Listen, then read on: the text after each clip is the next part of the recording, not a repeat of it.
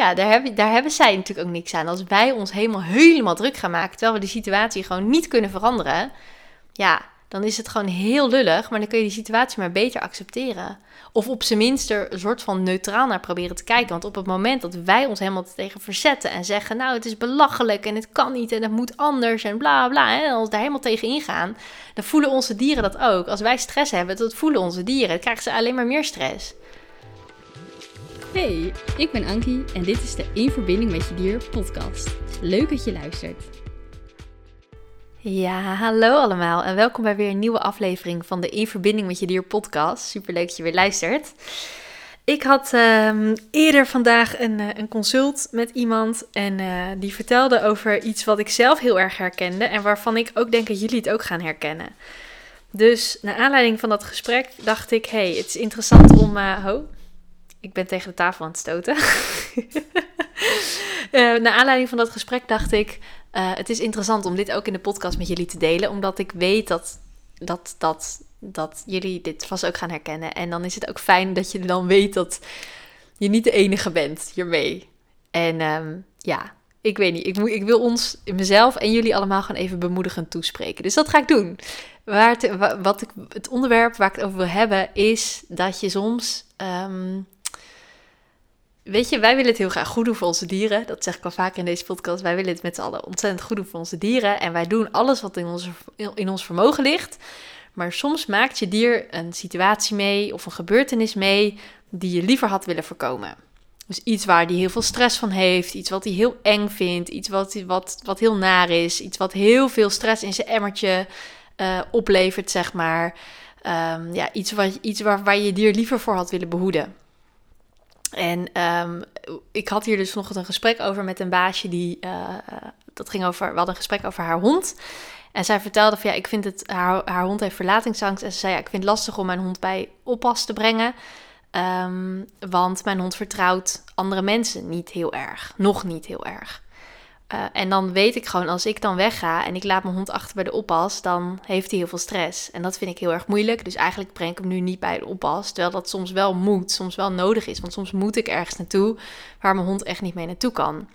Nou, dat herkende ik natuurlijk heel erg. Want ik heb sinds nou, nu iets meer dan een half jaar mijn eerste eigen hond, Maya. En zij heeft ook verlatingsangst. En um, ja, ik moet toch boodschappen doen. En dan kan ze niet meer naar de winkel. Hoe graag ze dat ook wil, ze kan niet mee. Dus uh, ik breng haar minstens één keer in de week bij mijn ouders. Mijn moeder past dan op haar. Um, en nu inmiddels trouwens nog wel veel vaker. Mijn moeder past nu veel vaker op haar. Maar in het begin bracht ik haar één keer in de week bij mijn moeder. En dan was ik maar een kwartiertje weg om even boodschappen te halen voor de hele week. Weet je wel, dat ging ik al zo plannen dat ik maar één keer in de week boodschappen hoefde te doen om haar uh, zoveel mogelijk stress te besparen. Want wat gebeurde er op het moment dat ik Maya bij mijn moeder bracht, had ze vet veel stress. Als ik daar dan de deur uit ging en dan deed ik er alles aan hè, om haar daar zo goed mogelijk, zo rustig mogelijk achter te laten. Ik trof alle maatregelen. Ik probeerde het hele, de hele, het hele scenario zo te, te vormen, zeg maar, dat zij maar zo weinig mogelijk stress had. Maar op het moment dat ik de voordeur bij mijn ouders dichttrok en ik liep naar mijn auto, dan hoorde ik Maya echt nog janken. Echt bij het raam zo janken, zo paniek van Ankie, waar ga je nou naartoe? Help me, laat me hier niet achter. en nou is het niet alsof mijn moeder een heel uh, vervelend persoon is. Sterker nog, zij is een van de liefste mensen die ik ken. Dus het is niet dat Maya het slecht had bij mijn ouders, als, als, eh, of bij mijn moeder in dit geval, als mijn moeder op haar ging passen. Uh, maar het is gewoon dat Maya zo aan mij hing, zeker in het begin zo aan mij hing, dat ze me echt niet wou loslaten. En ik haar eigenlijk ook niet, want zij heeft verlatingsangst, het wordt steeds minder. Dus eigenlijk is ze, nou ja, ik kan niet zeggen dat ze al verlatingsangst af is, maar het is echt enorm aan het afnemen. Ze is enorm aan het groeien en enorm veel zelfvertrouwen aan het opdoen de laatste tijd. Dat gaat fantastisch nu. Um, dus het is niet dat ze helemaal geen verlatingsangst meer heeft, maar ze heeft het ook niet meer, lang niet meer zo, zoveel als dat ze het een half jaar geleden had. Maar um, inmiddels zijn we dus een half jaar verder en uh, blijft ze dus best wel gewoon eigenlijk, eigenlijk wel rustig als ik wegga bij mijn ouders. En, eh, en zij daar moet blijven. En als ik dan haar dan. Uh, uh, ik kan haar daar nu. Eerst liet ik haar daar een kwartiertje en dan ging ik heel snel boodschappen doen. Maar nu laat ik haar rustig een paar uur bij mijn ouders. En gaat ze gewoon slapen en komt ze tot rust. Nou, dat was eerst echt. Eerst ging ze uh, op de uitkijk staan bij het raam Ging ze gewoon wachten tot ik terugkwam, ging ze gewoon kijken. Was ze niet bij het raam weg te, weg te halen, zeg maar.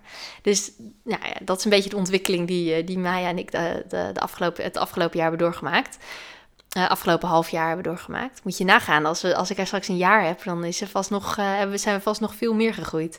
Maar goed, dat is misschien wel leuk. Daar moet ik dan misschien een podcast over maken. Dat heb ik ook gedaan bij mijn paard. Toen ik mijn paard een jaar had, heb ik er ook een podcastaflevering over gemaakt. Voor alles wat ik van haar het eerste jaar heb geleerd. Toevallig dacht ik laatst, oh, ik heb eigenlijk, want we hebben haar straks eh, in oktober hebben we haar twee jaar. En ik dacht eigenlijk, ik dacht laatst, toevallig dacht ik laatst van, oh, eigenlijk heb ik in dat tweede jaar met, met mijn paard, heb ik eigenlijk nog, nog meer geleerd dan in dat eerste jaar.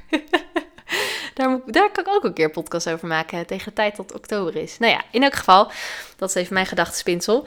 Um, je kunt je dier niet altijd behoeden voor de stormen van het leven.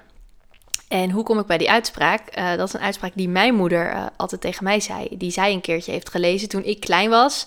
Uh, ik en, en mijn broertjes klein waren. want mijn moeder wou het ook heel graag goed doen voor ons. En die wou ons ook behoeden voor narigheid. En op een gegeven moment heeft zij een keer ergens in een boek gelezen. Ik heb geen idee wat voor boek, maar ze heeft een keer in een boek gelezen van je kunt je kinderen niet behoeden voor de stormen van het leven. En dat is met je dieren precies hetzelfde.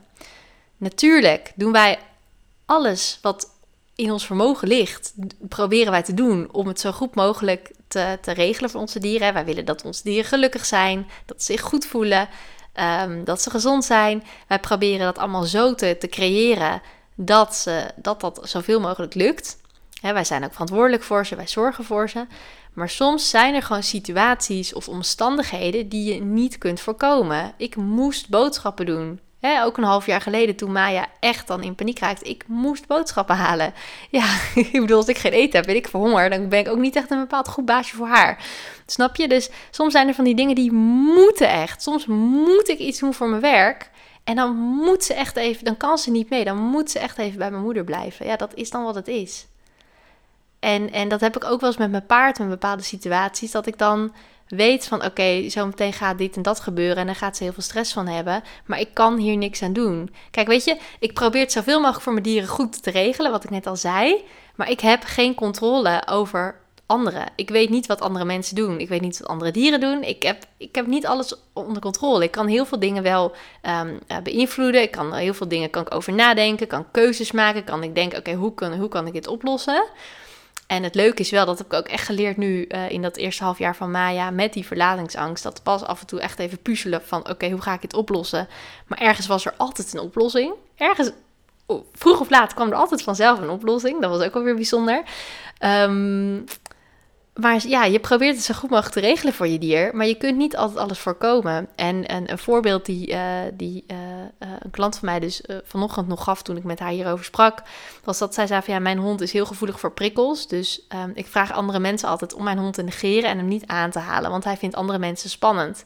Maar ze zei ja, dan heb je soms toch mensen die, dat, die mijn verzoek negeren en dan toch die hond gaan roepen, toch die hond gaan aanhalen.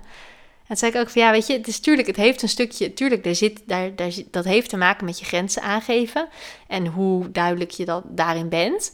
Maar er zit altijd een verrassingscomponent in, snap je? Dus er, er kan altijd wat gebeuren waar jij geen invloed op hebt.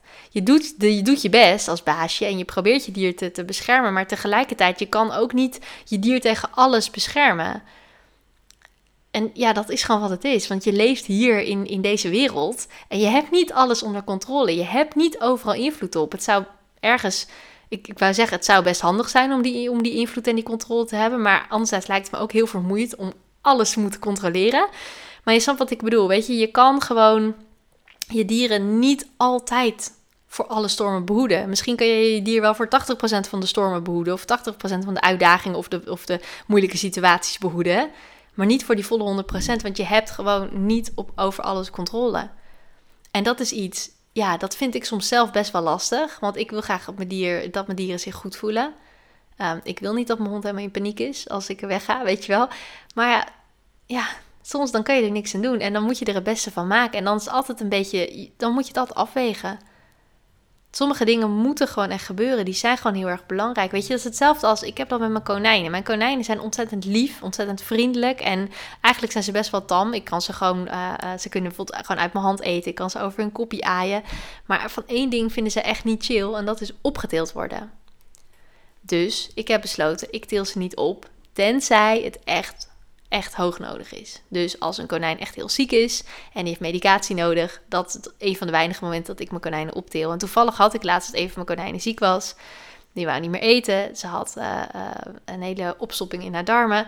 Uh, enorm veel pijn. Toen heb ik haar opgetild en dat vond ze niet leuk. Maar het moest wel gebeuren. Snap je? En op dat moment ga ik daar niet eens over nadenken. Dan doe ik dat, want dan is dat wat er nodig is. Dan moet, moet ik met mijn konijn naar de dierarts. Dus dan is het net de afweging die je maakt. Oké, ik weet dat je hier heel veel stress van gaat hebben, maar het is wel nodig. En dat is ook met, met nou ja, het voorbeeld wat ik gaf van Maya met die verlatingsangst. En dat ik haar dan bij mijn ouders moest achterlaten en dat ze er heel veel stress van had. Ze is er nu inmiddels heel goed aan gewend geraakt. Wat daarin ook heel erg heeft geholpen, is dat ik ook heel vaak met haar bij mijn ouders ben langs gegaan.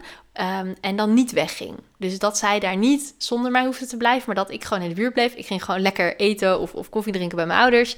En zij ging en daar gewoon lekker chillen. En zij ging daar dan op, op een gegeven moment raakte zij zo vertrouwd met mijn ouders, met het huis, met de hond van mijn ouders. Um, ze kreeg van mijn moeder krijgt ze altijd een lekker bordje met een beetje pindakaas erop. Dat krijgt ze bij mij niet, want ik ben allergisch voor pinda's. Uh, ik vind pindakaas echt, dat stinkt uren in de wind, in mijn uh, beleving. Uh, dus dat krijgt ze bij mij niet. Maar weet je wel, dat soort dingetjes. Dus ik kreeg allemaal positieve associaties met mijn ouders en hun huis en de hond van mijn ouders. En dat lekkere bordje wat ze elke keer krijgt. Dus um, op een gegeven moment begon ze zich daar steeds meer op haar gemak te voelen. En begon ze het steeds minder vervelend te vinden als ik wegging. En dan was het ook, dan ging ik dus een paar uur even weg. En dan kreeg ik ook, keek ondertussen hield ik al mijn telefoon natuurlijk een beetje in de gaten. Want ik dacht, ja, als het echt niet gaat, weet je. Ik zei tegen moeder, als het echt niet gaat, dan moet je me bellen en dan kom ik terug.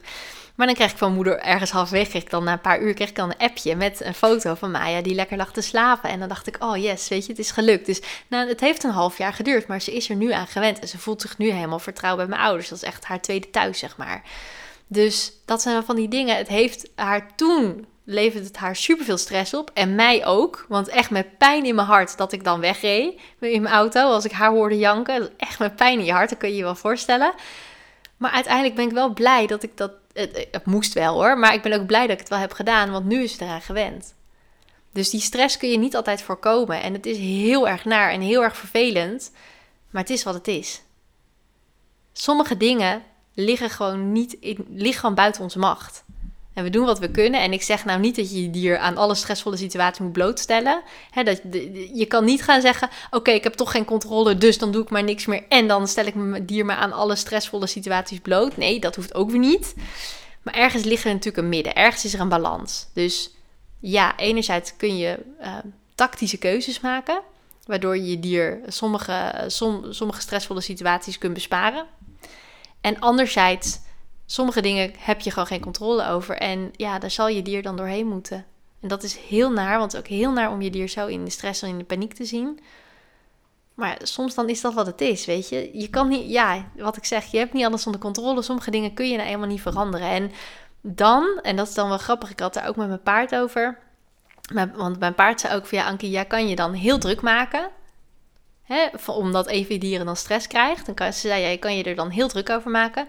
Maar wat gaan wij, wij als dieren daaraan hebben?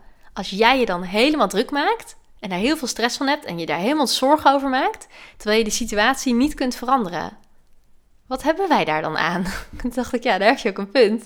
Ja, daar, heb, daar hebben zij natuurlijk ook niks aan. Als wij ons helemaal, helemaal druk gaan maken, terwijl we de situatie gewoon niet kunnen veranderen, ja, dan is het gewoon heel lullig, maar dan kun je die situatie maar beter accepteren. Of op zijn minst er een soort van neutraal naar proberen te kijken. Want op het moment dat wij ons helemaal tegen verzetten en zeggen: Nou, het is belachelijk en het kan niet en het moet anders en bla bla. En ons daar helemaal tegen ingaan, dan voelen onze dieren dat ook. Als wij stress hebben, dat voelen onze dieren. Dan krijgen ze alleen maar meer stress. Dat is een beetje hetzelfde als um, uh, met vuurwerk als dieren bang zijn voor vuurwerk, dan heb je wel eens baasjes, en dat snap ik heel goed hoor, die dan boos worden. Dus die dan, als er vuurwerk wordt afgestoken, uh, nog niet om 12 uur, hè, met, met oud en nieuw, maar dan al overdag bijvoorbeeld. Uh, mensen die dan naar buiten gaan en, en, en boos gaan worden op, op nou ja, de, de, waarschijnlijk de kinderen die vuurwerk afsteken, weet je wel. Uh, ja, dat mag en dat snap ik, want het is verschrikkelijk om je dier zo bang te zien. Dus ik snap dat je dan boos wordt, maar als jij je dan helemaal druk gaat maken, helemaal boos gaat worden, helemaal overstuur raakt, wat gaat jouw dier dan doen? Die gaat alleen maar meer stress hebben, want die voelt ook nog eens die stress van jou. Dat zijn van die dingen, ja, daar doe je niks aan. Je kunt die knallen niet voorkomen. Je hebt geen controle over andere mensen. Als ik echt, als ik één ding heb geleerd, is dat ik geen, echt geen controle heb, geen invloed heb op wat een ander doet. En dat is ergens ook wel heel bevrijdend. Want als ik zou geloven dat ik controle zou hebben over een ander, dan zou het mijn leven heel vermoeiend zijn. Want dan zou ik de hele tijd proberen om andere mensen te controleren en, en te beïnvloeden en te sturen. En dat zou dan niet werken. Dus dat is een beetje uh, zwemmen tegen de stroom in. Snap je? Dat kost je dan heel veel energie, maar ja, daar bereik je niks mee. Dus hoe lastig het ook is, soms, en ik zeg niet in alle situaties, hè, er zit hier een nuance in, maar in sommige situaties kan het, kun je je dier beter helpen door de situatie te accepteren zoals die is, dan door je er tegen te verzetten.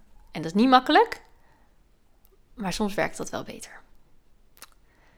Dus ik hoop dat je hier wat mee kunt. Het is, uh, ja, ik, ik, het is niet altijd makkelijk, echt niet. Ik kan, ik kan het echt uit eigen ervaring zeggen. En dat is natuurlijk met veel dingen die ik in deze podcast bespreek. Heel veel dingen komen uit mijn eigen ervaring. En daarom kan ik jullie ook zo goed helpen, omdat ik het echt, echt begrijp. Als ik zeg dat ik iets begrijp, dan begrijp, dan komt het ook omdat ik het echt begrijp.